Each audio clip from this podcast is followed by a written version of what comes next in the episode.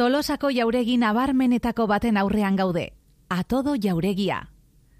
Errena zentista estilokoa da, amazazpigarren mendekoa, eta Tolosako tertzioen kapitain eta Felipe Bigarrenaren erromako enbaixadore Ferminatodok eraiki zuen. Haren jatorrizko armarria ikus daiteke oraindik. Jauregiak hainbat erregeri eta erregini eman zien ostatu. Ala nola Felipe Irugarrenari, Maria Luisa Borboikoari, Fernando Zazpigarrenari, edo Carlos Laugarrenari. Hain zuzen ere, errege postontzia izan zenari dagokion zulo bat dago fatxadan.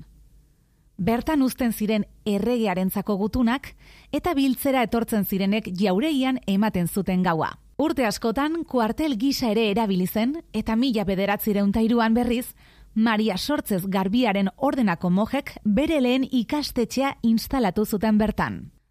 Jauregiaren kokapena ere ez da kasualitatea. Izan ere, Frantziaren eta Nafarroaren arteko bideak kale hau zeharkatzen zuen. Uste denez, kale nagusia tolosako lehen kalea izan zen. Zirkulazio horren testigantza moduan, jauregitik metro gutxitara dagoen kartel bat dago ondoko plazako eraikinetako baten fatxadan. Honako audio, Carruajes para Navarra por la calle Mayor.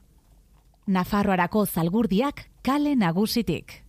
Plaza Felipe Gorriti kompositore Nafarrari eskainita dago. Gorriti hiribildura etorri zen bizitzera eta ospe handiko obra ugariren egilea izan zen. Plaza honetatik abeatzen da goizeko zortziretan inautirietako diana ospetsua. Musika banda alde zarreko kale guztietan barrena ibiltzen da abesti honen doinuan.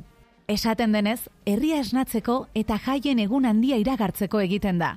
Egia san, ordu horretarako kaleak jendez beteta egoten dira, pijamarekin, kamisoiarekin, edo bainu txabusinarekin jantzita bandaren atzetik saltoka joateko asmoz. Benetako gertakaria herritarentzat.